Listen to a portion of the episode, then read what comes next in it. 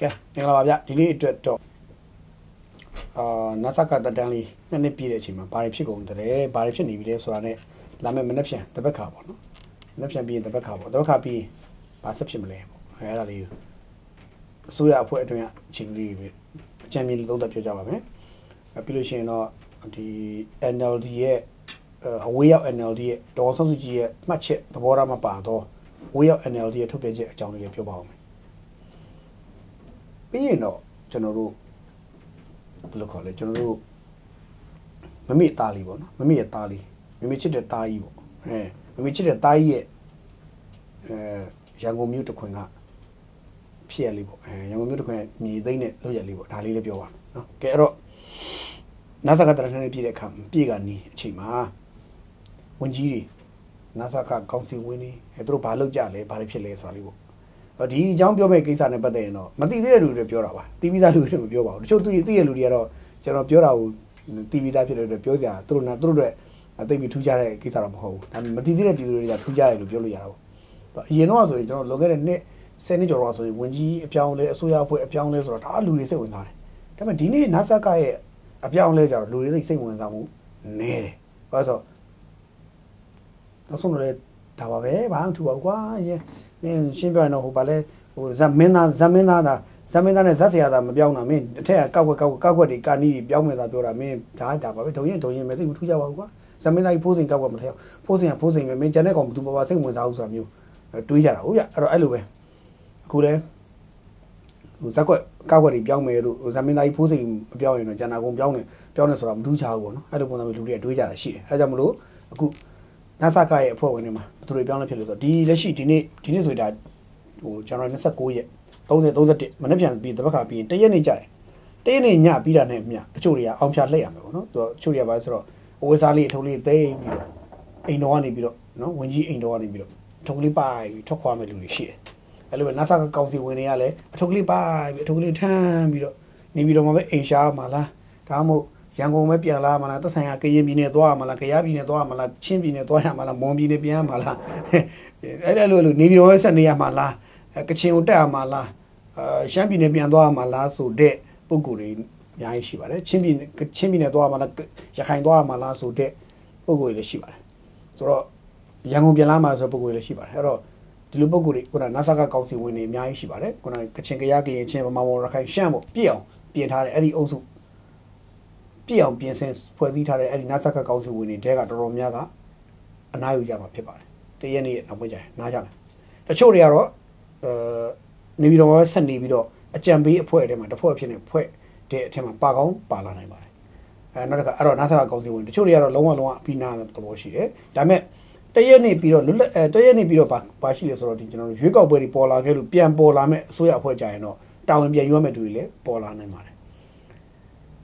ဒါကတော့ NASA ကကောင်စီဝင်တဲ့အခင်းချင်းပါအဲဒါကြောင့်ကောင်စီဝင်တွေအချို့ကလည်းဘာပြောသူတို့ကသူတို့နေပြီးတော့မှနေရာဆက်ပြီးနေတာကောင်းပါတယ်နေပြီးတော့ပဲအနေနဲ့ခင်ပါတယ်ကွာနေပြီးတော့ပဲဆက်ပြီးပါဆိုနေပြီးတော့မှခုကလေးကအိမ်ရှာနေတဲ့ခုတည်းမို့လွန်ခဲ့တဲ့တစ်ပတ်ကျော်တည်းကတချို့တွေအိမ်ရှာနေတယ်ကိုအเจ้าကိုတီးတော့အိမ်ရှာနေကြတဲ့ကောင်စီဝင်တွေလည်းရှိတယ်ဘာပြောနေပြီးတော့အိမ်ဈေးလည်းတက်တာတယ်ဗျာလုံချင်းတစ်လုံးလုံးငှားရင်တော့3-4သိန်းပဲရှိတာဗျာဟို3တစ်နှစ်နှစ်လောက်စောက်ပေးလိုက်ရင်ဘယ်တစ်နှစ်လောက်စောက်ပေးပြီးတော့အေးစင်းနာအစင်းနဲ့စောင့်နေရင်ပဲ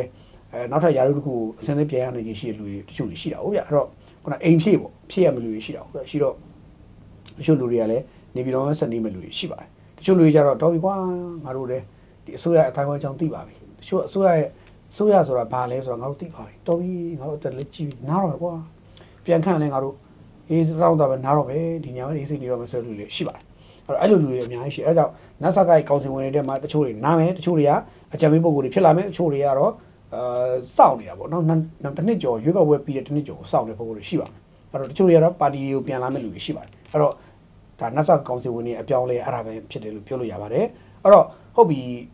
ဝင်ကြီးတွေကြံသေးတယ်ဝင်ကြီးတွေပေါ့ဝင်ကြီးတွေဆိုလို့ရှိရင်ပြောရမှာဆိုနိုင်ငံတိုင်းနဲ့ပတ်သက်လို့ရှိရင်ဝင်ကြီးအများကြီးရှိတယ်ဗျာဥပမာဆိုကြတော့အမြင်ပဲနေဆက်ရေးရတို့ကစပြီးနေဆက်ရေးရတို့ကာကွယ်ရေးတို့ပြည်ထဲရေးတို့အဲနိုင်ငံခြားရေးတို့အဲစီဝါကူတန်တို့ နိုင်ငံခြားစီဝါဆက်သွယ်တို့ပညာရေးကျန်းမာရေးအားကစားအာဘာရှိအောင်လဲတော့အများကြီးပဲဗျဝန်ကြီးအလုပ်သမားနော်လာဝကစသဖြင့်ပေါ့ဌာနဆိုင်ဝန်ကြီးအများကြီးရှိတယ်ဝန်ကြီးတွေလည်းအပါဝင်မနေဘူးကြာဝန်ကြီးအပါဝင်မနေပါ20ကျော်ပေါ့ဆိုဝန်ကြီးတွေရောဝင်ကြီးတွေဒုဝင်ကြီးတွေရောပြီးသွားမှလားဆိုတော့ပြန်ကြားရေးတို့အစားဖို့ပေါ့နော်ပြီးသွားမှလားဆိုတော့အချို့ဝင်ကြီးတွေကလည်းဟိုဒီတက်တန်းမှာပဲတတိတရက်နေမှာပဲလုံးဝပြီးနာသွားတာလည်းဖြစ်နိုင်သလိုအချို့ဝင်ကြီးတွေကလည်းပြန်ပါလာတာလည်းဖြစ်နိုင်တယ် အဲ့တော့ဝင်ကြီးအချို့ကလည်းသူတို့ကိုသူတို့သိတယ်ငါတော့ကွာအခုပြီးခဲ့တဲ့နှစ်နှစ်တွင်မှာတက်တက်တွင်မှာငါရဲ့ဘောလုံးကစားတဲ့စွမ်းရည် golf ကစားတဲ့စွမ်းရည်ဟာခြေစွမ်းပြနိုင်မှုအားနည်းတဲ့အတွက်အဲငါတော့ကြည့်ရတော့နီးပြရွေးချယ်မိပုံမပေါ်ဘူးအဲ့တော့ငါ့ကိုတိုက်ဆက်မှာထားမှလားကွင်းလယ်မှာထားမှလားနောက်တော့မှာထားမှလားဒါမှမဟုတ်အရာမှာထားမှလားဘယ်နေရာမှာထားမှလဲဆိုတော့မသိဘူးအဲ့တော့ငါအချီမကောင်းအသိပြောင်းတာကောင်းတယ်ဒါမှမဟုတ်လဲငါအသက်လည်းကြီးပြီဘောလုံးသမားဘိုးကနားယူတော့ကောင်းပါလေဆိုပြီးနားတဲ့အုပ်စော်လည်းပေါ်လာမယ်အဲ့တော့ ဝင်ကြီးတွေမှာလည်းလက်ရှိရှိတဲ့ဝင်ကြီးတွေရဲ့သုံးပုံတစ်ပုံထက်မနည်းသောပုံကိုယ်တွေကနားသွားမယ့်သဘောရှိတယ်ဆိုတော့ဒါကတော့ကျွန်တော်ခံမှန်းတာနော်ခံမှန်းတာနော်မသိဘူးကျွန်တော်ကျွန်တော်ကမသိဘူးဦးမြောင်လိုင်းကြာတယ်ထိုင်ပြီးတော့နော်စာအုပ်ရေးပြီးတော့ခင်ဗျားဘယ်သူနာဘယ်သူကသွားဘယ်သူကလောက်ခင်ဗျားခါစောင့်နေမသိကျွန်တော်မှတ်တမ်းရေးတယ်ကြာတယ်နော်ဟိုဦးမြောင်လိုင်းရေးစိတ်ထဲအကြောင်းကကျွန်တော်လည်းမသိဘူးလေမသိတော့ဒါပေမဲ့ကျွန်တော်ခံမှန်းတာပေါ့ဖြစ်နိုင်ရည်ဒီခံမှန်းတာဒါဒါဒါဒါဒါခံမှန်းတဲ့ကိစ္စပါဆိုတော့ဘလို့ဖြစ်ဖြစ်ဒါနာဆာကိုင်အကြောင်းလေးတွေက လာမယ့်ရက်ပိုင်းတွေဒီမှာစရိုက်အဲလာမယ့်ရက်ပိုင်းတွေရက်တစ်ပတ်လာမယ့်တစ်ပတ်အတွင်းမှာရှစ်တစ်ပတ်ထဲမှာပဲအပြောင်းလေးအများကြီးမြင်ရကောင်းမြင်ရလိမ့်မယ်လို့ဒါကိုကျွန်တော်တို့ကဒီသတင်းတွေသဘောတရားခံမှန်းရမှာဖြစ်ပါတယ်အဲ့တော့စီးပွားရေးလုပ်ငန်းရှင်တွေအဲရခိုင်ဝင်ကြီးတွေရခိုင်တာတာဝန်ရှိသူတွေရခိုင်ပတ်သက်ဆက်နွယ်သူတွေနဲ့ပတ်သက်ထားတဲ့စီးပွားရေးလုပ်ငန်းရှင်တွေအနေနဲ့ဘာလို့ရမှာလဲမေးရင်လာမဲ့ဝင်းရုပ်တွေနော်ဝင်းရုပ်ပြီးဝင်းရုပ်တွေလောက်ကြသေးတယ်ဗျဆိုတော့ကိုလှုပ်ထားတဲ့အလုပ်ဒီမှာခဏအချိန်လေးရပြီးတော့ရှုပ်လုပ်ငန်းရှင်ဆိုအခုအချိန်လေးရပြီးတော့ငါနဲ့ဘောလူထားတဲ့ဝင်ကြီးနဲ့ငါနဲ့ အဆင်မပြေဘူးဆိုရင်နောက်ဝင်ကြီးကြရင်တက်လာရင်ဘယ်လိုလုပ်အောင်လဲမသိဘူးဆိုပြီးညှို့ချုပ်တွေပြေးပေါင်းနေကောင်ပေါ့အဲစီးပွားရေးလုပ်ငန်းရှင်အတောင်းကလည်းရှိနေတယ်ဆိုတော့တဲပြည်ရဲ့အခင်းချင်းရတယ်အဲ့လိုရှိတယ်ဗျအဲ့လိုရှိတယ်ဒါကိုလည်းဟိုပဂရိရှိတရားဖြစ်နေကျွန်တော်မြင်ပါတယ်မြင်တဲ့အတွက်ဘသူဘသူမှဘသူဘသူမှဘာမှမပြောလို့သို့တော့ကိုကဘောလုံးကွင်းထဲမှာဝင်ပြီးအစွမ်းပြမယ်အချိန်မှာအစွမ်းပြနိုင်စွမ်းရှိတယ်ခြေစွမ်းပြတဲ့ကစားသမားဂိုးသွင်းတဲ့ကစားသမားကွင်းလေထိန်းထားတဲ့ကစားသမားနောက်တန်းနေပြီးတော့ခန်းစမပေါက်ထိန်းထားတဲ့ကစားသမားဂိုးကိုပိုင်တော့ဖမ်းတဲ့ကစားသမားဆိုတာတော်တော်တော့ ပွင့်လို့ပြောတော်တော်တော့ဟိုရှားပါတယ်ရှားလိုက်ရှားခဲ့ပါတယ်ပြီးခဲ့တဲ့နှစ်နှစ်တွင်မှာတချို့တော်တယ်တချို့တွေကညံ့တယ်တချို့တွေကကောင်းတယ်တချို့ကတင့်တယ်အဲ့လိုနဲ့မတ်တလေးတွေထွက်လာရှိပါတယ်အဲ့တော့လုပ်ငန်းရှင်တွေအနေနဲ့လည်းကိုပတ်သက်ထားတဲ့လုပ်ငန်းဝန်ကြီးတွေပတ်သက်ရပတ်သက်ကြောင်းဆရာတွေဘာညာတွေနဲ့ပတ်သက်ရလဲလုပ်ငန်းရှင်တွေပါနှပ်ဖို့လိုတာဟုတ်ဗျဒီကာလမှာအဲဆိုတော့ဒါကတော့ဒါလုပ်ငန်းရှင်တွေအတိုင်းဝိုင်းနဲ့စီးပွားရေးနဲ့ဆက်ဆက်တာကျန်းမာရေးနဲ့ဆက်ဆက်တာပညာရေးနဲ့ဆက်ဆက်တာလူမှုရေးနဲ့ဆက်ဆက်တာအခြားသောဆက်ဆက်ပတ်သက်တာတွေအကုန်လုံးကိုခြုံငုံပြီးတော့ကျွန်တော် နာဆာကရဲ့ဝန်ကြီးဌာနအပြောင်းလဲပတ်သက်ပြီးချိန်ပြီးပြောတာဖြစ်ပါတယ်ကိုကကိုကိုကြိုက်တဲ့ယူတော်တွေးပြီးတော့ကိုကကိုတွေးကြပါဆက်ယူကြပါနော်နောက်တိုင်းဒေသကြီးဝန်ကြီးချုပ်တွေရှိသေးတယ်ဝန်ကြီးချုပ်ရန်ကုန်ဝန်ကြီးချုပ်အဲမန္တလေးဝန်ကြီးချုပ်ကရင်ဝန်ကြီးချုပ်ကယားဝန်ကြီးချုပ်ရှမ်းဝန်ကြီးချုပ်ကချင်ဝန်ကြီးချုပ်ကရင်ဝန်ကြီးချုပ်ပြီးတော့တခါဟိုတနင်္လာရီဝန်ကြီးချုပ်အာအဲ့ဘောဆက်တော့ဟိုဘက်ဆက်တဲ့ကချင်ဝန်ကြီးချုပ်ချင်းဝန်ကြီးချုပ်ရခိုင်ဝန်ကြီးချုပ်မန္တလေးမကွေးစကိုင်းပကူစသဖြင့်ပေါ့ဗျာအဲ့လိုဝန်ကြီးချုပ်တွေဝန်ကြီးချုပ်တွေအကုန်လုံးကလည်း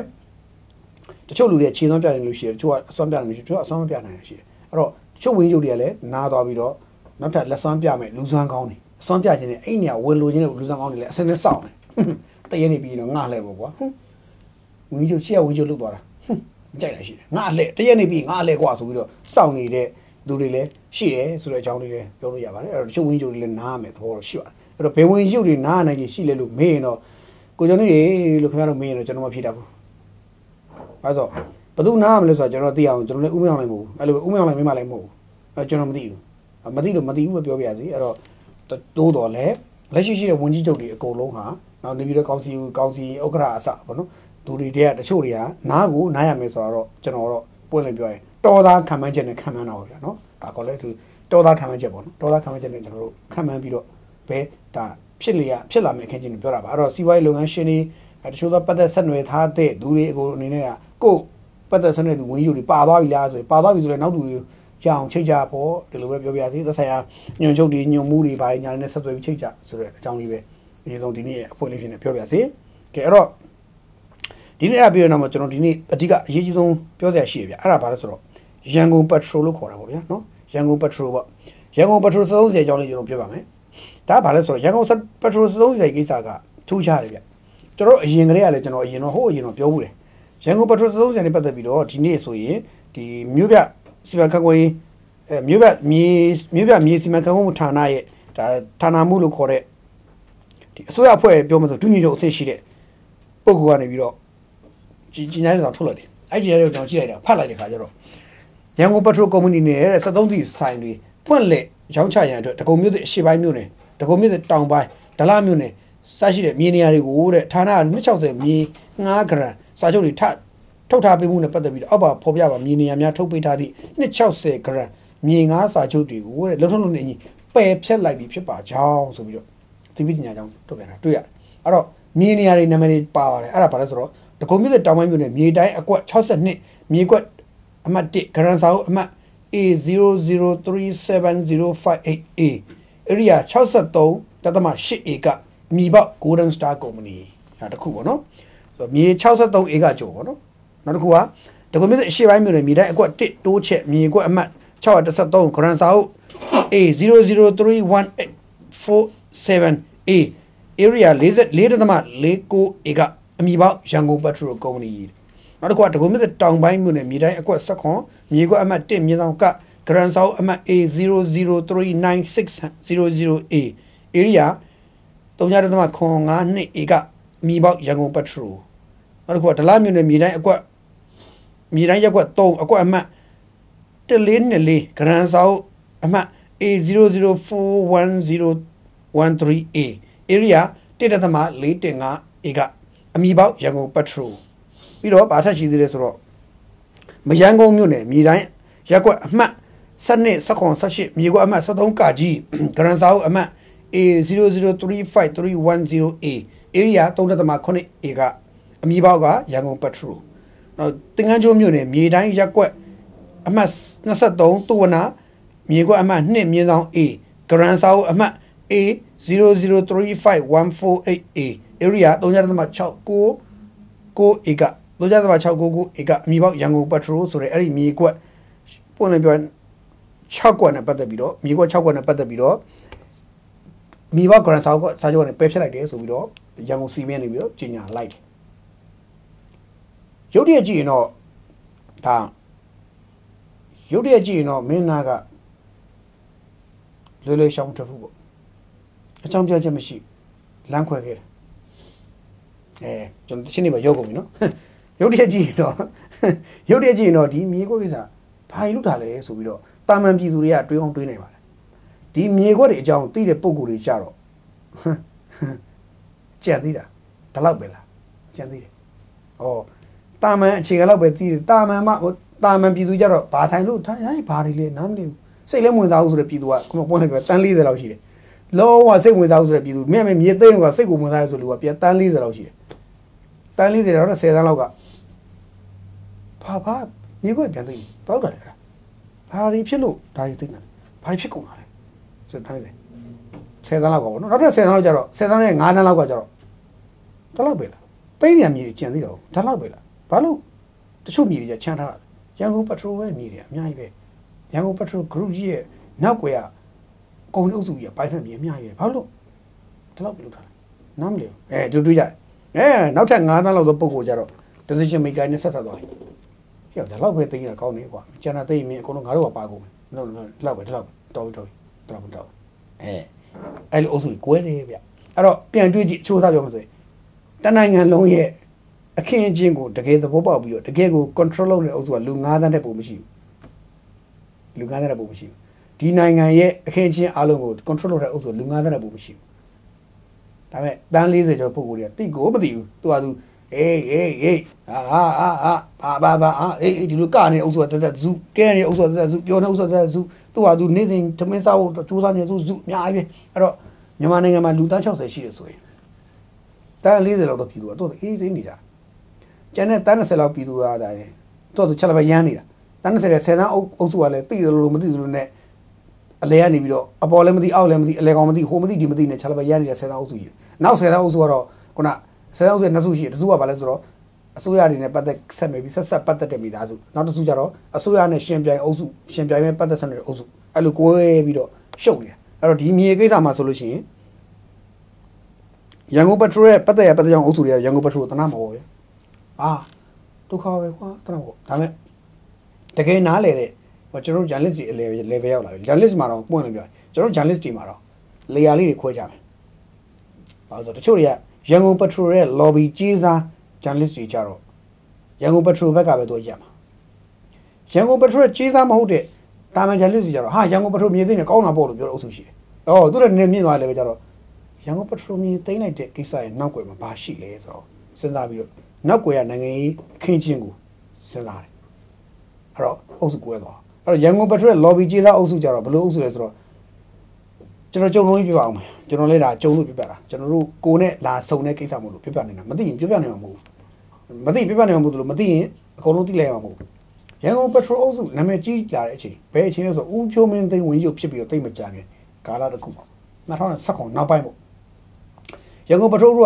ဒီတောင်မြောက်လမ်းစုံနားမှာမြေကွက်အခြေကြီးအခုဒါတိတ်နေအဲ့ဒါကြီးပါတယ်အခြေကြီးမြေကွက်အခြေကြီးပဲဗျာအဲ့ဒါအရင်တော့ယထာမြေမိယထာမြေပြီးတော့ပတ်လက်မြေလို့မိယထာမြေနဲ့ပတ်လက်မြေဆက်ဆက်နေတဲ့မြေပေါ့ဗျာ အဲ့ဒါကိုဦးဖြိုးမင်းသိန်းလက်မှတ်နဲ့ကွာကွာကွာဆိုကိုပြီးတော့ရော့သွားချတာပေးပလိုက်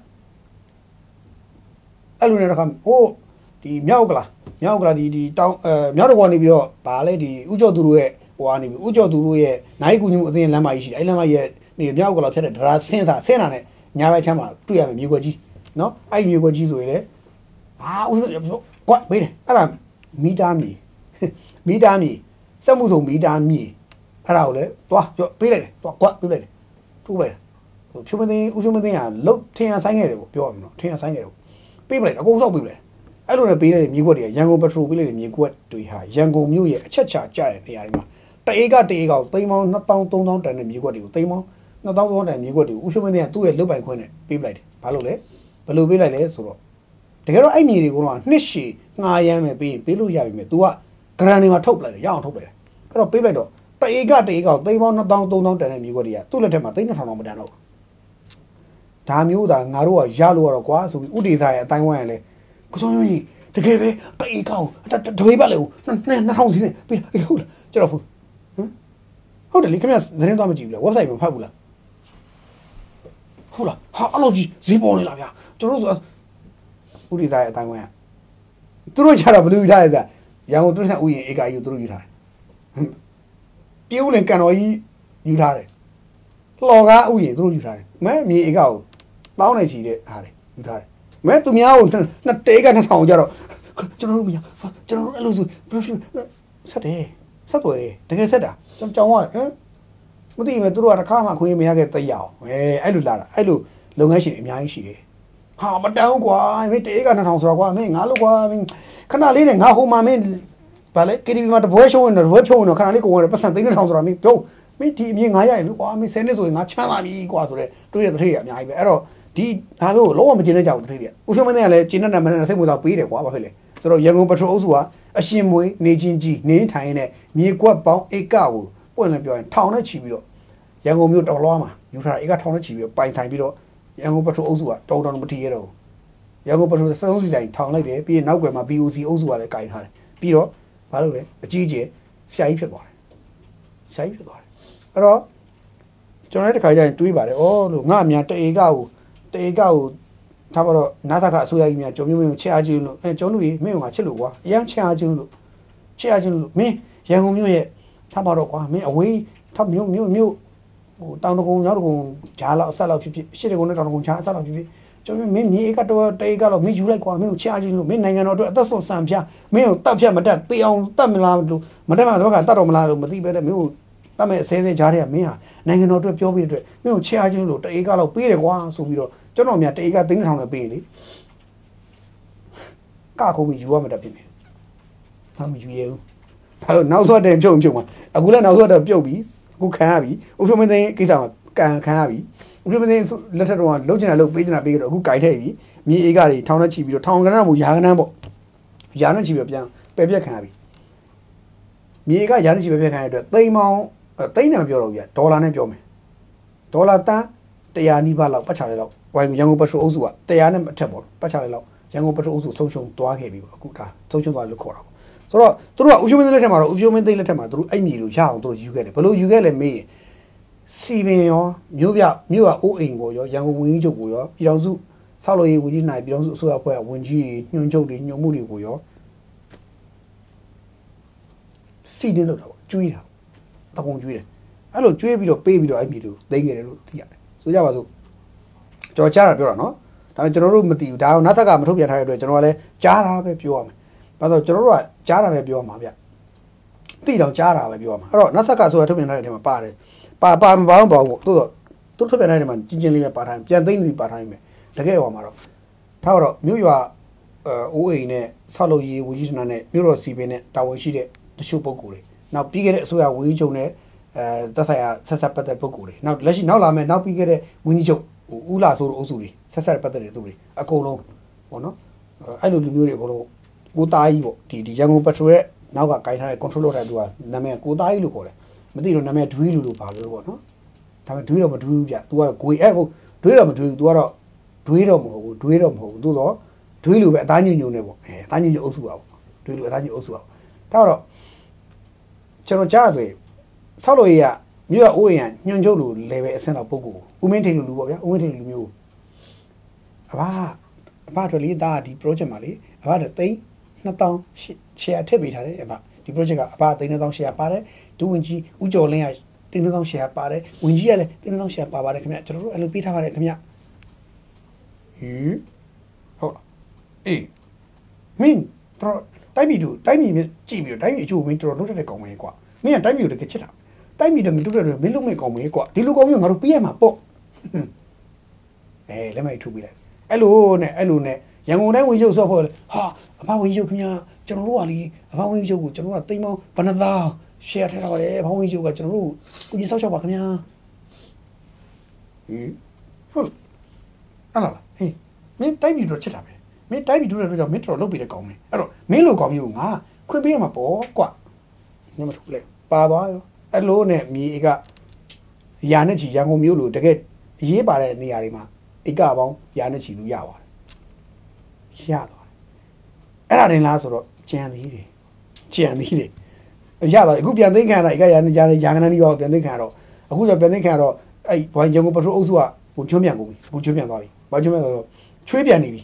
ချွေးပြန်နေပြီကိုသားရတဲ့ထောင်ထဲမှာလို့သိရတယ်ထောင်ထဲအမှုရင်ဆိုင်နေရတယ်လို့သိရတယ်ထောင်ထဲမှာဆိုဆိုတော့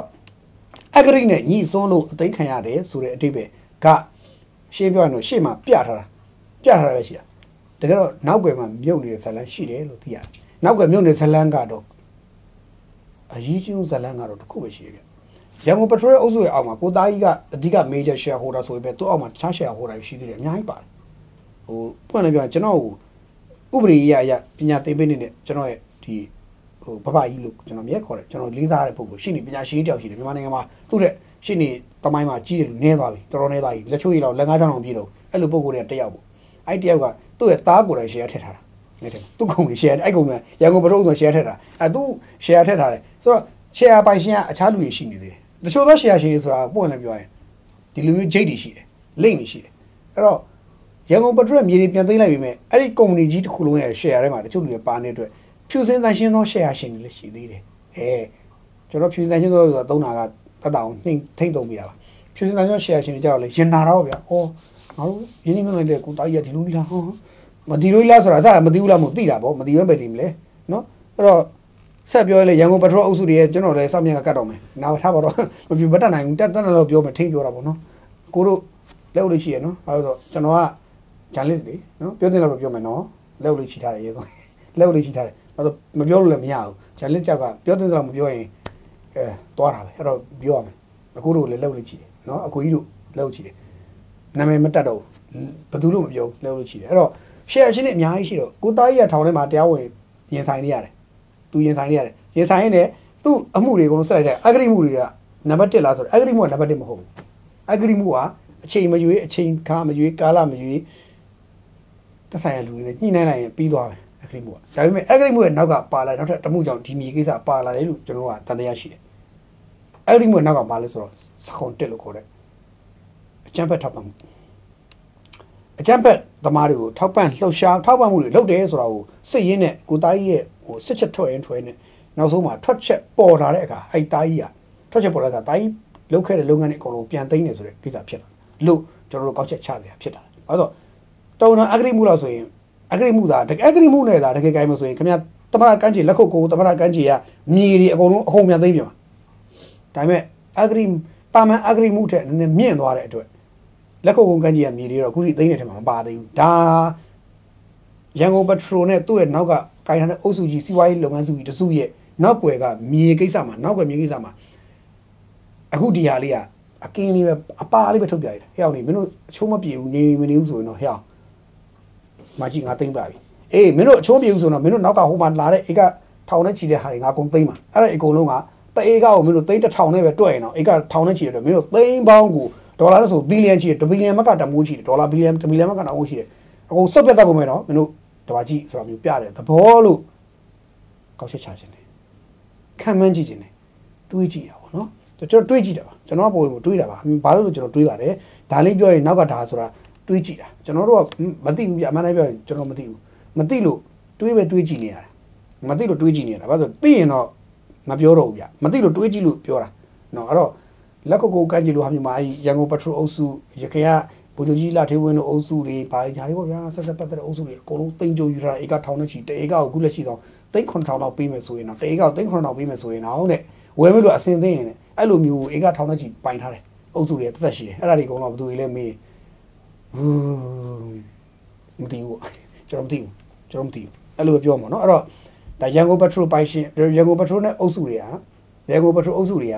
ဒီရန်ကုန်မြို့မှာထင်သာမြင်သာတဲ့စီဆိုင်စီဆိုင်ရင်းနဲ့ပတ်သက်ပြီးဆက်ဆက်ပြီးတော့အဲ့မြေတွေကိုပြန်သိမ်းခံမယ်ဆိုတဲ့အခင်းကျုံသွားတွေ့ရတယ်သိမ်းမယ်အဲ့ဒီအဲ့မြေတွေကိုမြေတွေကိုပြန်သိမ်းမယ်ဆိုရင်မြေတွေကိုဘယ်လိုသိမ်းမလဲဆိုတော့ရန်ကုန်ပထရိုစီဆိုင်တွေအများကြီးပဲဖွင့်ထားတယ်ဆိုအဲ့ဆိုင်တွေကိုပိတ်ရမှာလားဆိုတော့အဲ့ကိစ္စကတော့အခြားနည်းတစ်ခုနဲ့ပြန်သုံးဝင်ပေးမယ်လို့ယူဆတယ်အဲ့တော့ခင်ဗျားကျွန်တော်တို့73စီဆိုင်ပဲတာမန်ပြည်သူတွေတွေ့မယ်တာမောင်ပြီးဆုံးတယ်ဆိုဆိုင်ရမနေ့ကတော့ဖွင့်တယ်ဒီနေ့ဘာလို့လိုက်ကားကြီးကြိုက်ပြနေတာကျွန်တော်မသိဘူးအဲ့လိုတွေးရင်တွေးလိမ့်မယ်ဒါပေမဲ့အဲ့ဒါတွေကတော့အချိန်တိုင်းပြန်ညှိပြန်ပွင့်ရင်လည်းဖွင့်လိမ့်မယ်ဘာလို့ဆိုတော့ အခြားနီလန်တစ်ခုနဲ့အခြားပုံစံတစ်ခုနဲ့တော့ပြန်ပေးသုံးတာမျိုးလေဖြစ်ကောင်းဖြစ်လာနိုင်ရှိတယ်ဘာလို့ဆိုတော့တည်ရှိနေစေဖြစ်ဖြစ်တည်နေစေအဆောက်အဦကဏ္ဍနေရာတစ်ခုသို့မဟုတ်လှုပ်ရှားမှုလူလူနဲ့ပတ်သက်နေတဲ့ကိစ္စတစ်ခုကိုရုပ်တရက်ကြီးဝုံတိုင်းဖုံခွမ်းလှုပ်ထည့်ဖို့ဆိုတာကြတော့အဲ့လိုကြီးတော့နှလုံးသားတွေကမကြံဘူးလေဘာလို့ဒီအာနာပိုင်ပုဂ္ဂိုလ်တွေဆိုတော့နှလုံးသားနှလုံးသားနှုတ်တယ်နှလုံးသားနှုတ်တယ်နော်ဘယ်ချိန်မှနှုတ်လို့ဆိုတော့အခိုကြီးညီလေး cheer အနှုတ်သွားပြီနှလုံးသားကျန်တဲ့ချိန်မနှုတ်ဘူးအဲ့ချိန်မှာခွတ် cheers အော်ဝိအာနှုတ်တယ်နှလုံးသားတွေကနှုတ်သွားအဲ့ဒီမှာနှုတ်သွားကျန်တဲ့ချိန်မနှုတ်ဘူးကျန်တဲ့ချိန်ကမင်းလားငါလားမင်းဘာလဲငါဘာလဲဖြစ်ဖြစ်ဒါပေမဲ့အော်ဒီတစ်ချက်ခေါင်းလေးတစ်ချက်ရမ်းလိုက်ထားရဲ့ခွက်ကလေး cheer တိုက်လိုက်ထားရဲ့အဲ့နှုတ်သွားနှလုံးသားတကယ်လည်းနှလုံးသားနှုတ်ရတဲ့ဟာမဟုတ်လို့နှုတ်တာဘာကျွန်တော်စိတ်မဆိုးပါဘူးပြည့်လည်းမတင်ပါဘူးအဲ့တော့နှုတ်တယ်လို့အဲ့ဒါကြောင့်ဒီမြေကိစ္စတွေကမြေနဲ့ဒီလက်ရှိ73စံတွေပိတ်သွားမှလားစီရနေစီဖြစ်လို့ခတ်သွားမှလားဆိုရင်တော့အဲ့လောက်ရှိတော့ဖြစ်လိမ့်မယ်တော့မထင်ဘူးတိုးတော့မြေတွေတော့ပြန်သိမ်းရမယ်သိမ်းမယ် သိပြီးတော့အဲ့မြေတွေကိုအငှားစာချုပ်နဲ့ပြန်ပေးတာလည်းဖြစ်နိုင်သလိုလုံးဝအပြီးကိုသိမ်းပြလိုက်လည်းဖြစ်နိုင်တယ်ဒါပေမဲ့လုံးဝအပြီးသိမ်းတဲ့အထိတော့ရုပ်ပြစီနဲ့ကြီးလုံးနေမျိုးတော့ကျွန်တော်တို့မထင်ဘူးဘာလို့အထဲမှာရန်ကုန်ပက်ထရိုလ်အုပ်စုထဲမှာကိုသားကြီးမဟုတ်တဲ့အခြားသောသူတွေကလည်းအကောင့်လေးလို့ကြားတယ်အကောင့်လေးဆိုတာဟုတ်လို့မပါဘူးအကောင့်လေးဆိုတာအသက်ရွယ်ကြီးလာရင်ကျွန်တော်တို့ကအသက်ရွယ်ကြီးတဲ့ပါဝါကြီးရုပ်ချောလာတဲ့တောင်းလာဖြောင်းလာခန့်လာဆိုအကောင့်လို့ကျွန်တော်တို့သုံးတယ်ဟိုရုပ်ဟွာလို့မဟုတ်ဘူးရိုင်းတာမဟုတ်ဘူးနော်မြန်မာစကားမှာအကောင့်ဆိုတာရုပ်ကလည်းချောလာခန့်လာတောင်းလာဖြောင်းလာအဲအတိုင်းဝိုင်းလည်းဝင်ဆန်အကောင့်လို့ခေါ်တယ်အဲအကောင့်လေးပါနေတော့ တချို့ຢာကြီးလှုပ်လို့မရဘူးပေါ့ဗျာအဲ့တော့ဒီမြေသိမ့်နေဆိုတာလည်းသိမ့်တာပဲရှိမယ်နောက်ွယ်မှာတော့အခြားသောမြုပ်နေစလန်တွေပေါ်ကောင်းပေါ်လာလို့ရှိပြီလို့ခန့်မှန်းရပါတယ်အဲ့တော့တခါရန်ကုန်ပထရိုအုပ်စုကတကယ်လို့သာအရန်ကိုစိုးစိုးဝါးထပ်လုပ်မယ်ဆိုရင်လက်ခုပ်ကုန်းလိုမြေမှာရှိတဲ့လက်ခုပ်ကုန်းဒေသလိုနေရာမျိုးဒလမှာရှိတဲ့နေရာနေရာမျိုးမှာရှိတဲ့သူတို့ပိုင်တဲ့မြေကထောင်နဲ့ချီတဲ့မြေတွေအကုန်လုံးဟာတအိတ်အောက်သိန်းတစ်ထောင်ဆိုရင်တော့ဧကထောင်နဲ့ချီပြဘီလီယံနဲ့ချီတော့ဒေါ်လာ1ဘီလီယံကျော်လောက်တန်ဖိုးရှိတဲ့ပတ်စံတွေ တရုတ်စက်ကူလေးတွေကိုတရုတ်နှစ်ခုကလာရောက်ခါဆိုတရုတ်စက်ကူလေးတွေမီးရှို့သလိုမျိုးပြာတွေဖြစ်ကုန်ပါဘူးဗျနော်အဲ့တော့ဘယ်ဖြစ်ခံမလဲဒါတွေအကုန်လုံးဘာလုပ်မလဲဘာမလုပ်ပါဘူးနော်သက်ဆိုင်ရာအကူဟိုကသက်ဆိုင်ရာတာဝန်ရှိသူတွေကိုဘာခင်ဗျာဘာခင်ဗျာအဲဒီလိုနဲ့လည်းပြီးသွားနိုင်ခြေရှိရလို့ကျွန်တော်တို့ခံမှန်းပါတယ်အဲ့တော့သိပြီးတော့လည်းရန်ကြီးဟိုဟိုဒါတွေကထုတ်ပြန်ချက်တစ်စောင်ကတစ်စောင်ပဲရှိတာပါဘာမှနောက်ဆက်တွဲဟာတွေသိပြီးတော့ရန်ကြီးတချို့လူတွေအတွက်စိုးစရာမရှိဘူးတချို့လူတွေအတွက်စိုးစရာရှိတယ်တချို့လူတွေအတွက်တော့ ခေါင်းပူနေရမယ်တချို့လူတွေအတွက် AC ပဲချိန်တိုင်းပြီးသွားလိမ့်မယ်လို့တွေးပါတယ်ဒေါ်လာတန်းရာချီဘီလီယံချီတန်နေတဲ့စီမံကိန်းကြီးတွေ project တွေမြေတွေဥထားမှုနဲ့ပတ်သက်ရင်တော့ဒေါ်လာ1ဘီလီယံတန်မြေကိုဥထားမှုကိုဒေါ်လာတန်းတရာတော့ပြန်အဆုံးခံပြီးတော့ထိုးချွေးလိုက်ရောပြီးမသွားဘူးလားဆိုတာကိုကျွန်တော်တွေးပြီးသားဖြစ်ပါတယ်အဲ့တော့တွေးမိဒါလေးကိုပဲကျွန်တော်ရန်ကုန်ပထရိုကိစ္စလေးကိုအဲတိတိတော်လေးပပလေးပြောရတာပါနော်ဟိုရန်ကုန်ပထရိုကြောင်းပြောရင်လည်းရှုပ်တယ်ဗျနော်အဲ့တော့ခုနကဟိုကြုံလုံးလေးကျွန်တော်ခုနပြောတဲ့ရှေ့မှာ journalist တွေကတချို့ journalist တွေထဲမှာ ရန်ကုန်ပထရိုအုပ်စုရဲ့ဂျင်းမိသွားတဲ့ journalist တွေရှိတယ်ကျွန်တော်ပြောဖို့ရှိပါခုနကပြောတယ်ပုံကုတ်တူပါပေါ့နော်ပုံကုတ်တူဆိုတာလည်းပြောရင်ဒဲပဲပြောတော့မှာဗျာကြာပါတယ်ရုပ်ဝေးပိုင်းနေမယ်ဘောလုံးမြန်မာနိုင်ငံဘောလုံးအဖွဲ့ချုပ်မှာဖွဲ့ချုပ်မှာဥစစောကတ်ပေါင်းနဲ့ကတ်ပေါင်းတာပေါ့နော်ရအောင်ကတ်ပေါင်းပြီးစူးစမ်းကြည့်တယ်ဥစောကပ်ပေါင်းပြီးတော့ရအောင်ကြိုးစားရင်းနဲ့ project ဝင်နေရသွားတဲ့အုပ်စုနောက်တစ်ခါဘောလုံးအဲဖော်ကျွန် MNL League ပေါ့ MNL League ကအဲကလပ်အသင်းတွေကိုလိုက်ပြီးတော့ပေါင်းပြီးတော့ဂျင်းထည့်ပြီးတော့ဂျာနယ်ထုတ်တဲ့အုပ်စုရှိတယ်အဲအုပ်စုအဲအုပ်စုရဲ့ ပုံကိုယ်တို့ပေါ့အခုတော့လက်ရှိတော့ဘာလို့ဆိုတော့ဗာလဲဘောလုံး agent ပေါ့နိုင်ငံတကာမှာဆိုဘောလုံး agent ပေါ့ဘောလုံး agent လုပ်နေတဲ့ပုံကိုယ်တယောက်ရှိတယ်အဲဒီပုံကိုယ်ဆိုရင်အရင်တော့ကျွန်တော်ခေါ်တယ်အညီလေးကျွန်တော်နဲ့ခင်တယ် personal ခင်ပါတယ်နိုင်ငံရေးပြဿနာဖြစ်ခင်ဒီခင်တယ်ဖြစ်ပြီးတဲ့နောက်မှာကျွန်တော်တို့သဘောထားကွဲရချကြတယ်အဲတော့ဒီလိုရောက်ဒီလေးငါတို့ကမင်းတို့ရဲ့အဲ့တော့ကျွန်တော်အကုန်သီးလုံးတယ်မင်းတို့ရဲ့အကုန်သီးပါတယ်ငါကျွန်တော်လေးထည့်ချင်လို့ကွာတယ်မဂ္ဂဇင်းမှာကျွန်တော်ထည့်ချင်လို့ဆိုကျွန်တော်ဘာလဲပေါ့အော်ထည့်ရင်ရတယ်ကိုထည့်လို့ ထည့်ရင်ရတယ်ဆိုခေါ်သွားတော့ကျွန်တော်သွားရင်သူ့အိမ်သွားရင်သွားရင်သူ့အိမ်ရောက်တော့အညီလေးတဲ့အကုန်သီးမဂ္ဂဇင်းမှာတဲ့ကြော်ညာစုရန်ကုန်ပက်ထရိုရဲ့ကြော်ညာကြီးလာထည့်ကျွန်တော်အကုန်သီးမဂ္ဂဇင်းခုတိရှိသေးတယ်ခုတိရှိသေးတယ်ကျွန်တော်စာအုပ်မှာပြလို့ရတယ်ကျွန်တော်ရန်ကုန်ပက်ထရိုဆိုနောက်ကျောဘုံမှာအပြည့်ကျွန်တော်စဉ်းစားပြီးတော့ကျွန်တော်ရဲ့ Facebook page မှာ page ရဲ့ cover မှာအပြည့်ဘယ်နှဘယ်နှလအပြည့်ပြီးတယ်ကျွန်တော်စဉ်းစားဟာ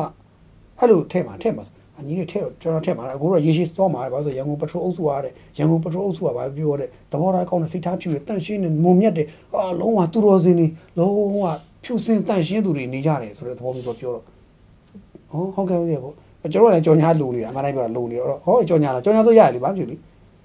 ကျွန်တော်ဘာမှရေးပေးကြမလို့မလို့မလို့ဆိုရင်ပြီးရောရတယ်ကြော်ညာဆိုရင်ပြဿနာမရှိဘူးကြော်ညာကထည့်ရင်ထည့်ပေါ့ဆိုကြော်ညာထည့်တယ်3လ6လလောက်သူထည့်တယ် အဲ့တော့ပြောရန်ကုန်ပထမနဲ့ပတ်သက်လို့တဲ့ညီတို့တခုရေးတာရှိရင်တော့ကိုယ်ဆက်သွယ်နော်ဆက်သွယ်မှရေးနော်အပြိုင်မရေးပါနဲ့ညီလေးမင်းတို့ကြော်ညာနဲ့ပါနဲ့ငါတို့လည်းလောက်ထားတာဆိုပါညာကျွန်တော်ဩကျွန်တော်ကတုံးနေဗျတုံးတော့ဩအေးပေါ့อืมအေးပေါ့အဲ့လိုနေလိုက်တာပေါ့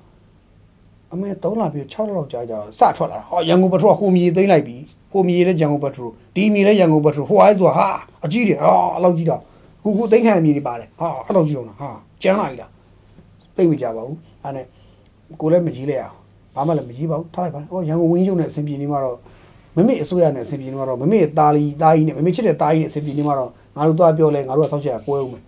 မပြောတော့ပါဘူးပြီးတော့တော့ဗာလဲဆို73စီဈေးတွေဟာကြာမယ်ဘလို့မှမဖြစ်နိုင်ဘူးဒီဈေးနှုန်းတွေဘလို့ဖြစ်ရမယ်ဆိုပြီးတော့ project တွေနဲ့အာခင်းတာပေါ့ဗျာခင်းတော့ကျွန်တော်ကြောင်ရတာပေါ့ဟောအေးပေါ့ဟုတ်လားဆိုတော့ဟုတ်တယ်ဗျာတို့ကလည်း project တွေကို73စီဈေးတွေကိုအခြားဆိုင်တက်တော့ဈေးကိုရှော့ရောက်နေဟာဟုတ်လားကြီးလားပေါ့ဒီမှာရှုံးမစီလीမြေရမြတ်နေတာ တဧကဟိုဗျာသိန်း2000လောက်တန်တဲ့မြေကသိန်း2000လောက်နဲ့တောက်မပြေရတာမမြခံနိုင်မလားစဉ်းစားကြည့်လေမမြခံနိုင်မလားအဲ့တော့ဩအေးပေါ်ပေါ်ဒီလိုပဲရှိမှာပေါ့ဆိုကျွန်တော်ကွာဩထားလိုက်ပါမမေချစ်တဲ့တိုင်းနဲ့မမေအစိုးရနဲ့ပြဿနာမတက်ဘူးဆိုလဲပြီးတာပဲအောင်နောက်တယ်ကွာလောက်မနေထားလိုက်တော့ဆိုကွာထားရတာအဲ့တော့အဲ့ journalist အဲ့ journalist ပေါ့ဗျာသူကလည်းပါလို့ဆိုအာအဲ့လိုယူဝါဝါလို့ပြီးတော့ က်မတော်ကအာနာရောက်မှုလည်းဖြစ်လည်းဖြစ်ကိုအာစစ်တပ်ကိုဖက်နေကြပြီဆဲတာခုဒီဆဲနေတော့ခုဒီစစ်တပ်ကိုဖက်နေတော့ကြည့်ပြီးဩအေးဘောသူကဘာလို့ဟိုမှာ project ကြီးသူ့သူ့ရဲ့ project နောက်ကနေသူ့ကိုနောက်ကနေပတ်စံပေးနေတဲ့အုပ်စုကပတ်စံပေးတဲ့အုပ်စုကခက်ခဲကြုံရပြီလေကြုံတော့ဩသူရေးပြီဗောအဲ့လိုပဲတွေးတယ်ပြီးတော့တိတ်မကြဘူးသူ့နောက်ကခက်ခဲကြုံတဲ့အုပ်စုကရောဟုတ်သလားဆိုတော့အမေအမေအဲ့ကိုတိုင်းဆိုတဲ့ပုဂ္ဂိုလ်တွေကဆရာကြီးဗျနော်ဆရာကြီးနော် လူကြီးနဲ့တွေ့ရင်လည်းအာဟုတ်ကဲ့အဘအဘဒီဘက်တွေ့ရင်လည်းရော့ပတ်စံဘယ်လောက်ယူလို့ဘယ်လောက်လို့ပြီးမယ်ပြီးပြီ6 6 6 6 6သူကခုနနှစ်ချမ်းသလုံး UNG PDF အုပ်စုလည်းရော့ဒီဘက်ကလည်းဟုတ်ကဲ့အဘအဘအဲ့လိုသွားတာဆိုတော့ဩရည်စရာကောင်းတာပဲပြုံးစရာကောင်းတာပဲတိုင်းပြည်ကဒီလိုကြီးလားဟုတ်ဟိုလိုတွေကတိလာဆိုတိတယ်ဒါပေမဲ့မသိအောင်ချောင်းတယ်ဒါပေမဲ့နောက်ဆုံးတော့လေတကယ်ကျိုးဆိုးဆိုးဝါးတွေဖြစ်လာတဲ့ခါကျတော့နောက်ဆုံးတော့လေအခုလိုမျိုးအရေးယူရတယ်လို့မြင်ရတယ်ဟိုဆက်ဆက်နေရတော့တွေ့ရတော့ကျွန်တော်တွေးကြည့်တယ် ကျွန်တော်လောကကြီးကတော်တော်ရှုပ်တယ်ဗျာကျွန်တော်နိုင်ငံနိုင်ငံရေးလောကကြီးကတော်တော်ရှုပ်တယ်ဆိုတော့ကျွန်တော်တွေးလိုက်မိပါတယ်အဲ့တော့ဘာပြောဟိုကိုယ့်ဟာကိုယ်နေသားသလိုနေတာကမှအန်ရီကင်းပါတယ်လို့တော့တွေးရအောင်ဖြစ်နေတယ်အဲ့တော့ရန်ကုန်ပထရဆက်သုံးဆိုင်တွေနဲ့အဲ့မြေကိစ္စတွေကအခုမြင်နေရတဲ့ကျင်ညာချက်သက်ဆောင်နဲ့မြင်နေရတဲ့ကိစ္စတွေဟာ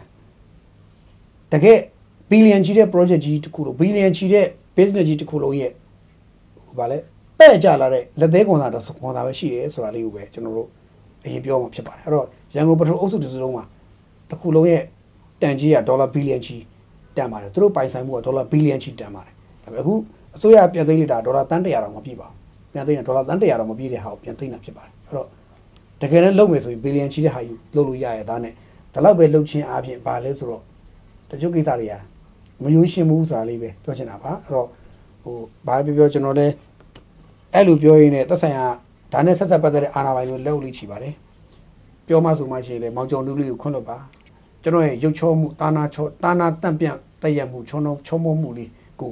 စာနာထောက်ထားပြီးတော့ခွန့်လွတ်ပါလို့ပဲအရင်ပြောရမယ်နော်အဲဒီဟိုဘက်ကကိုသားကြီးတို့အုပ်စုကိုလည်းအခုကြီးတို့ခွန့်လွတ်ပါနော်ကျွန်တော်ရဲ့ချောမောတန့်တန့်ပြန့်တာနာတည့်ရမှုလေးစာနာထောက်ထားပြီးတော့ခွန့်လွတ်ပါလို့ပဲအရင်ပြောရမယ်ဘာလို့ဆိုတော့ဆက်ပြောရင်လည်းနောက်နှစ်ပတ်သုံးပတ်ကြာရင်ကျော်နုပါပျောက်သွားတဲ့ပွားရောက်မှာမလို့မပြောတော့ဘူး ဆက်ပြောရင်လည်းအများကြီးပဲကြံသေးတယ်ဒါတော့ပဲပြောတာကောင်းတယ်နောက်မှမြုပ်နေစမ်းလည်းအများကြီးကြံသေးတယ်ဆိုတာတော့ပဲပြောရမှာဖြစ်ပါတယ်နော်ကဲအဲ့တော့ဒီနေ့ဒီနေ့ပြီးတော့အဲ့ဒါပြီးတော့ကျွန်တော်နောက်တစ်ခုပြောချင်ပါတယ်ရန်ကုန်တိုင်းဒေသကြီးတစ်ခုလုံးမှာတဲ့တလအတွင်းမှာပြီးခဲ့တဲ့လတလပြီးခဲ့တဲ့လဆိုဒီဇန်နဝါရီလပါပဲပြောရင်တော့ကျွန်တော်ပြီးခဲ့တဲ့ဆိုကျွန်တော်လည်း February ကိုစိတ်ဆွဲနေလို့ပြစ်ခတ်တိုက်ခိုက်တပ်ဖြတ်ခံရမှုတွေဘုံခွဲတိုက်ခိုက်မှုတွေအချိန်ပေါင်း20ကျော်25ချိန်ထက်မနည်းဖြစ်သွားတယ်လို့သိရတယ်ရန်ကုန်တစ်မျိုးလုံးမှာဖြစ်သွားတယ် အုံနဲ့ဟိုနာကွယ်ဒီနာကွယ်ပဲဖြစ်သွားတယ်အဲ့မှာပဲအရာရှိတွေတည်တာလည်းရှိတယ်ဟိုအရာရှိအပါဝင်အုပ်ချုပ်ရေးမှုတွေဘာညာစုစုပေါင်း9ဦးထက်မနည်းတည်ထားတယ်ရန်ကုန်တစ်ခုတည်းမှာဆိုတော့ဩရန်ကုန်မှာဒီလောက်ဆုံးထားတယ်တခြားနိုင်ငံတခြားနေရာတွေရောဆိုတခြားနေရာလည်းအများကြီးဖြစ်ပါတယ်အဲ့တော့ရန်ကုန်မှာအဲ့ဒါလောက်ဖြစ်ထားတယ်ဆိုတဲ့အကြောင်းကျွန်တော်မှစစ်တမ်းလေးတစ်ခုကတွားတွေ့ရတော့ဟောလို့ရန်ကုန်မှာနေလို့လည်းလုံခြုံပြီးမထင်ပါနဲ့ဒီနေ့အတင်အသက်ရှင်နေသေးတာမနှက်ဖြန်သေဖို့လည်းဖြစ်နိုင်ပါတယ်ဆိုတော့မျိုးတွေးပြီးတော့ဩ ဆက်မရေးတာကောင်းပါလေဆက်ပြီးတော့တရင်လုပ်ငန်းလုပ်ရတော့ငါတောင်ကြောက်ကြောက်တောင်ကြောက်လာပြီကြောက်တောင်ဗာလဲကြောက်တောင်ကြောက်လာပြီကြောက်ကိုကြောက်လာပြီဆိုပြီးတွေးမိပါတယ်ဗျာနော်အဲ့တော့ရန်ကုန်မှာအဲ့လိုဖြစ်နေပါတယ်တဲ့နော်နောက်တစ်ခုကတော့စိတ်မကောင်းစရာတရင်မှာကျွန်တော်မနေ့ကတော့ညတော့ပြောလို့မှမဆုံးသေးဘူးဟိုဗာလဲဒီမလေးရှားမှာမလေးရှားကမွတ်စလင်တွေကဆန္ဒပြတယ်စတူဒီယိုဆန္ဒပြတယ်စတူဒီယိုကသူကမီးရှို့လို့တဲ့မလေးရှား sorry ကိုရန်ချန်စာကိုမီးရှို့လို့စတူဒီယိုက တက်ကြွလှုပ်ရှားတဲ့နိုင်ငံရေးသမားတယောက်ကမိရှုလို့ဆိုပြီးစိတ်ဆိုးပြီးဒေါသပြီးဆန္ဒပြကြပြလို့ကျွန်တော်တို့အဲ့လိုတွေးပြီးအားကြတယ်မှန်လဲမှန်တယ်လို့ရပါလို့ပြောခဲ့တယ်အခုလည်းအဲ့ဟာရဲ့ပြောတော့မဆိုဒီနေ့ဘာထပ်တွေးရလဲဆိုတော့မနေ့ကဇန်နဝါရီ29ရက်နေ့ဒီနေ့တနေ့ကဇန်နဝါရီ29ရက်ညပိုင်းကစကိုင်းနဲ့အရာတော်မြို့နယ်တလဲပါကြီးရွာမှာနော်တလဲပါကြီးရွာမှာဖုန်းကြီးတစ်ပါးအပါဝင်လူကိုဦးကို PDF တွေကနေပြီးတော့မိရှုတပ်ဖြတ်တယ် မီးရှို့တပ်ဖြတ်လိုက်တယ်တပ်ဖြတ်တယ်တပ်ဖြတ်ပြီးတော့မီးရှို့တယ်ပေါ့ဗျာတပ်ဖြတ်မီးရှို့မှုလုပ်သွားတယ်လို့သိရတယ်အဲ့မှာနေ80လောက်ကိုလည်းမီးရှို့လိုက်တယ်ပေါ့ဗျာမီးရှို့လောင်ကျွမ်းတယ်ဖြစ်သွားတယ်လို့သိရတယ်ဆိုတော့အသက်သက်တော်83နှစ်ဝါတော်ဆယ်ဝါရှိတဲ့ဘုန်းကြီးတပားလည်းပြန်တော်မူသွားတယ်ကြေးဝါမှာနေတဲ့အမျိုးသမီးမျိုးသား9ဦးမျိုးသမီး3ဦးနဲ့စုစုပေါင်းအဲစုစုပေါင်း10ဦးပေါ့အရှိ9ဦးပေါ့9ဦးသေဆုံးသွားတယ်လို့သိရတယ်ဘုန်းကြီးတပားဆိုရင်တော့9ဦးပေါ့လူဆိုရင်10ဦးပေါ့ဘုန်းကြီးတပားလည်းဆို9ဦးသေဆုံးသွားတယ်ရွာလည်း80ကျော်တော့မီးရှို့ပျက်စီးမှု ဖြစ်သွားတယ်တဲ့အဲ့ဒါဘာလို့ January 29ရက်နေ့ဖြစ်သွားတော့သိရတယ်ဆိုတော့အော်လို့ဒီတစ်ပါးအပါဝင်ဆိုရင်ဘုန်းကြီးပါ80ကိုကြော်တော်တော်ကြော်လာပြီလို့တွေးလိုက်မိတယ်ခုထိကျွန်တော်တို့ကနှလုံးသားတွေကငြိမ်ပြီးတော့နေနိုင်သေးပဲဘုန်းကြီးတစ်ပါးကိုယ်လုံးဆုံးမသွားလဲကိုနဲ့မဆိုင်ဆိုတော့နေနိုင်သေးပဲလို့ကျွန်တော်မြန်မာတွေကိုတွေးပြီးတော့စိတ်ကောင်းဖြစ်ရအောင်ပါเนาะဒါလေးလည်းထည့်ပြောပါတယ်เนาะအဲ့တော့ဒီနေ့ရဲ့နောက်ဆုံးပိတ်ကတော့ NLD ပါတီရဲ့ဒေါ်ဆန်းစုကြည်ရဲ့သဘောထားမဟုတ်တော့ကြီးညာချက်တွေဆောင်ထုတ်လာထွက်လာ ကျွန်တော်ပွင့်လည်းပြောနော်ဒေါအောင်ဆန်းစုကြည်ရဲ့အမိတ်ဒေါအောင်ဆန်းစုကြည်ရဲ့ညွှန်ကြားချက်ဒေါအောင်ဆန်းစုကြည်ရဲ့သဘောထားမပါတော့ NLD ပါတီရဲ့ Facebook page ကကြီးညာကြီးညာဆောင်ထွက်လာတယ်အဲ့ဒါဘာလဲဆိုတော့ဒီရွေးကောက်ပွဲနဲ့ပတ်သက်ပြီးတော့ဘာညာဘာညာပေါ့ဗျာရှင်းပြောရအောင်2020ရွေးကောက်ပွဲကပါလျင်အတီဖြစ်တယ်ဆိုတော့မျိုး तू ကထပ်ပြီးတော့ကျင်းတဲကြီးပြောထားတယ်စာအပြည့်ကိုကျွန်တော်မဖတ်ပြဘူးစာရှင်းပြောအပိုက်17ထိပါတယ်အဲစာအမှတ်17ထိပါတယ်အဲ့တော့ မပြောတော့ဘူးစက်တတိပြောမနေတော့သူ့ရဲ့ပြောကြချက်မှာအဓိကပါလာပါလဲဆိုတော့သူတို့လွတ်တော်ကိုယ်စားလှယ်တွေအဲဘလောက်ဖားခံရတယ်အမေဒီ2020ရွေးကောက်ပွဲမှာမဲဆန္ဒပေးခွင့်ရှိ38တန်းကျော်တွေကနေပြီးသူတို့ကိုဘလောက်ရပြီးတော့သူတို့ကဘလောက်ထိနိုင်ငံနိုင်ခဲ့တာဖြစ်တယ်အဲဒါမျိုးသူကပြောတယ်ပြီးလို့ရှိရင်ပါတီ60ခုမှာနိုင်ရပါတီ19ပါတီတက္ကသိုလ်ပုဂ္ဂလနဲ့တိုင်းတိုင်းပြည်လွတ်တော်ကိစ္စတွေမှာသူတို့အနိုင်ရရှိတာဘလောက်ရှိခဲ့တယ်ဒါကြီးသူကပြောတယ်ပြီးလို့ရှိရင်ဒီရိုးရိုးကြီးမရောက်လိုက်ဥဆောင်တဲ့အုပ်စုကသူတို့ရဲ့ သူတို့ရဲ့မဲရရှိမှုအနိုင်ကျင့်ပြီးတော့အာဏာသိမ်းလိုက်တယ်ဒါမျိုးသူကပြောထားတာတွေ့ရတယ်ပြီးလို့ရှိရင်ဘာလို့လဲဆိုတော့အာဒီအချိန်မှာနောက်အဲ့ဒီနောက်ပိုင်းမှာတော့သူတို့ရဲ့ NLD ပါတီဝင်အချို့အဖမ်းဘလောက်ဖမ်းခံရတယ်ဒါမျိုးသူကကြီးညာတာတွေ့ရတယ်ပြီးတော့နောက်မှာပါတီရုံးချုပ်တွေလည်းဖျက်ဆီးခံရတယ်စသဖြင့်ပေါ့သူဖော်ပြတာပြီးတော့သူ့အနေနဲ့ကသူတို့အနေနဲ့ကတော့2020ရွေးကောက်ပွဲကရွေးကောက်ပွဲရလက်ကသာလေအတီးဖြစ်တယ်ဆိုပြီးသူကကြီးညာတာတွေ့ရတယ်နောက်လာမယ့်ရွေးကောက်ပွဲဟာဒီအတိမမပြုတ်ဘူးပေါ့ NLD အနေနဲ့ဆိုတော့ဒီကြီးညာချက်ကတော့ သူက NLD ပါတီရဲ့ဗဟိုအလုပ်ကော်မတီလို့ပဲဖော်ပြထားတယ် NLD ပါတီရဲ့ CEC လို့ဗဟိုကော်မတီလို့အဲဗဟိုကော်မတီရဲ့ဘာမပါဘူးဗဟိုအလုပ်ကော်မတီဆိုတာကပွင့်လည်ပြောရဒေါ်စုစီမရှိဘူးဗဟိုကော်မတီဝင်တွေတယောက်မှအများကြီးမပါဘူးမပါဘဲတယောက်တည်းပဲပါတယ်ဗဟိုကော်မတီဝင်တယောက်ပဲပါတဲ့ကော်မတီဆုံးဖြတ်ချက်ဖြစ်တဲ့အတွက်သူတို့ကသူတို့ကိုသူတို့လည်းတန်တရားရှိတယ်ဘိုးအလုပ်ကော်မတီပေါ့သူတို့ကသူတို့ NLD ပါတီရဲ့တာဝန်ရှိသောပုဂ္ဂိုလ်တွေဖြစ်နေတော့သိမ့်မတတ်ပါဘူးဒါပေမဲ့ Facebook ကိုသူတို့ခြင်ထားတဲ့အတွက်သူတို့ကသူတို့ရတယ်ပေါ့ဒီလိုသဘောမျိုးကြီးညာတွေ့ရတယ်ဆိုတော့ 2020ရွေးကောက်ပွဲကတာလင်အတီပါလို့ရလက်ကအတီပါလို့သူတို့ပြောတော့ကျွန်တော်မျိုးလုံးထဲမှာစဉ်းစားမိတယ်ဩလို့1990ရွေးကောက်ပွဲကတာလင်အတီပါလို့ကြီးညာခဲ့တဲ့အတိတ်တုန်းကဖြစ်စဉ်လေးကိုသူကမျိုးလုံးထဲမြင်မိတယ်1990ရွေးကောက်ပွဲရတဲ့အတီပါလို့ကြီးညာရေးကြီးညာနေ2010ပေါ်လာတယ်2010ကနေ15ဦးသိန်းစိန်အုပ်ချုပ်သွားတယ်16ကနေပြီးတော့21 20နှစ်ကုန်ပိုင်းထိ21နှစ်ဇန်နဝါရီ31ထိ NLD အုပ်ချုပ်သွားတယ်အခုလဲ2010ရွေးကောက်ပွဲအတီပါလို့ပြောတော့ဩလို့ တမိုင်းတွေကစိုးကြောတကြောပြန်လာပြီလားမသိပါဘူးလို့တွေးမိပါတယ်အဲ့တော့ဘာပြောပြော NLD ရဲ့ထုတ်ပြန်ချက်အဲ့ဒီနေ့ NLD Facebook ကထုတ်ပြန်ထားတဲ့ထုတ်ပြန်ချက်ကပြီးတော့နောက်တစ်ခုကအဲ့60ရွေးကောက်ပွဲလိုမျိုးစုပ်ကင်ပြီးတော့ပြောနေတဲ့အတွက်အဲ့တုန်းကအခင်းချင်းကိုမျိုးလုံးနဲ့ပြည့်မြင်မိတယ်နောက်တစ်ခုကနောက်တစ်ခုကဘာလဲဆိုတော့ NLD ပါတီမှာအဲ့ဒီထုတ်ပြန်ချက်ကဒေါအောင်ဆန်းစုကြည်လက်မှတ်လည်းမပါဘူးဒေါအောင်ဆန်းစုကြည်သဘောထားလည်းမပါဘူးအဲ့လိုပဲဥက္ကရာဒုဥက္ကရာနှစ်ယောက်ရဲ့ဒုက္ကရာ1ဒုက္ကရာ2ရဲ့မှတ်ချက်လည်းမပါဘူးအတွင်းမှုတွေမှတ်ချက်လည်းမပါဘူး ဘသူမှတ်ချက်မှလည်းမပါဘူးသူဟာသူ Facebook page ကနေကြုံရထုတ်နေတော့ဩဒါလည်းလူတွေကအဲလက်ခံကြသေးတာပဲဩလို့သူဟာသူတော့ဘာပဲပြောဟိုဗာလဲဟိုလူဟာသူ့အုပ်စုနဲ့သူတော့အဆင်ပြေနေကြတာပဲဆိုတော့တွေးမိတယ်ဘာပဲပြောခါတို့နေပြန်စနာဖို့လိုတာက NLD ရဲ့အဲ့ဒီထုတ်ပြချက်တွေအကုန်လုံးဒေါန်ဆန်းစုကြည်ရဲ့သဘောထားမှတ်ချက်ပါပါသလားသဘောထားမှတ်ချက်ထောက်ခံချက်အတီးပြုချက်ပါပါသလားဆိုတော့မိကုန်းလေးတော့ခင်ဗျားတို့ပြန်မေးတယ်ကျွန်တော်တော့မေးတယ် NUG ရဲ့လူတွေအကုန်လုံးကျွန်တော်မေးတယ်ကျွန်တော်ကပွင့်လို့ပြောမယ်အဲ့ဒီထုတ်ပြချက်အကုန်လုံးဒေါန်ဆန်းစုကြည်တခုမှ အချိန်တိုင်းတခုမှလက်ခံမှာမဟုတ်ဘူးအချိန်တိုင်းတော့တော့လက်ခံမှာမဟုတ်ဘူး။ဘာလို့ဆိုဒီလိုမှကြည့်ပြီးတော့ဘယ်ကောင်ထုတ်ရလဲဘယ်သူထုတ်ရလဲ။အထုတ်တော့ကောင်တယောက်မှတာရီပါရီမှာကိုထုတ်ပလိုက်။လာရင်လာမှာအဲ့လိုလာတော့မှအမေကငါတို့ရက်ဆက်တယ်။အဲ့ဒီအမေကလေငါတို့ကလည်းလောက်ငါတို့ရက်ဆက်တယ်ဆိုငိုနေတော့လေကိုယ်တိုင်နဲ့ကိုယ်ကံပဲ။ဒါပေမဲ့ကျွန်တော်ထင်တာတော့ထွက်လာရင်ဒေါ်စန်းကြီးကဘယ်သူထုတ်ရလဲအဲ့စာကိုဘယ်ကောင်ထုတ်ရလဲ။ကျမခုမိချက်မြောင်အဲ့စာကိုဘယ်သူကထုတ်တာလဲလို့မေးတော့မှရင်နာရရင်တော့ကိုယ်ကိစ္စနဲ့ကိုလို့ပဲ အဲ့လူတွေကိုမေးရပြောရမှာဖြစ်တယ်ခင်ဗျားတို့လည်းအဲ့မိကုန်းလေးကိုအဲ့သက်ဆိုင်ရာအဲ့တာဝန်ရှိတဲ့လူတွေလှမ်းပြီးတော့ကြုံရင်မေးကြတာပါဗျာခင်ဗျားတို့အဲ့ထုတ်တဲ့စာကိုဒေါ်ဆောင်ကြီးသဘောထားလားလို့ CEC ရဲ့သဘောထားမှတ်ချက်ပါသလားလို့မေးကြည့်ကြတာပါဗျာဘာလို့မဟုတ်ရင်မသိသူတို့ထုတ်တာပဲအတီလိုလိုပါလို့လည်းလူတို့ကတန်တရားရှိပြီတကယ်လို့ထင်သွားမှာစိုးလို့ပါเนาะအဲ့တော့အဲ့ဒါလေးလေခင်ဗျားတို့အနေနဲ့မေးကြည့်ကြပါလို့ပဲပြောရင်းနဲ့ကဲဒီနေ့အတွက်ကျွန်တော်တင်ဆက်ဖို့တော့လောက်ပါပဲအားလုံးပဲကိုကြီး စာသိရှိပါတိုင်းရောစေနာမှန်ထားပါသစ္စာရှိပါကိုယ်နိုင်ငံသားချင်းချင်းအပြန်အလှန်တက်ဖြတ်နေရတော့လက်ကုပ်လောက TV ပျော်နေလို့ဖြစ်နေကြတာဆိုတော့ပြန်လဲမေးခွန်းထုတ်ကြပါလို့ပြောရင်းနဲ့အားလုံးပဲခေါ်လိုက်ပါ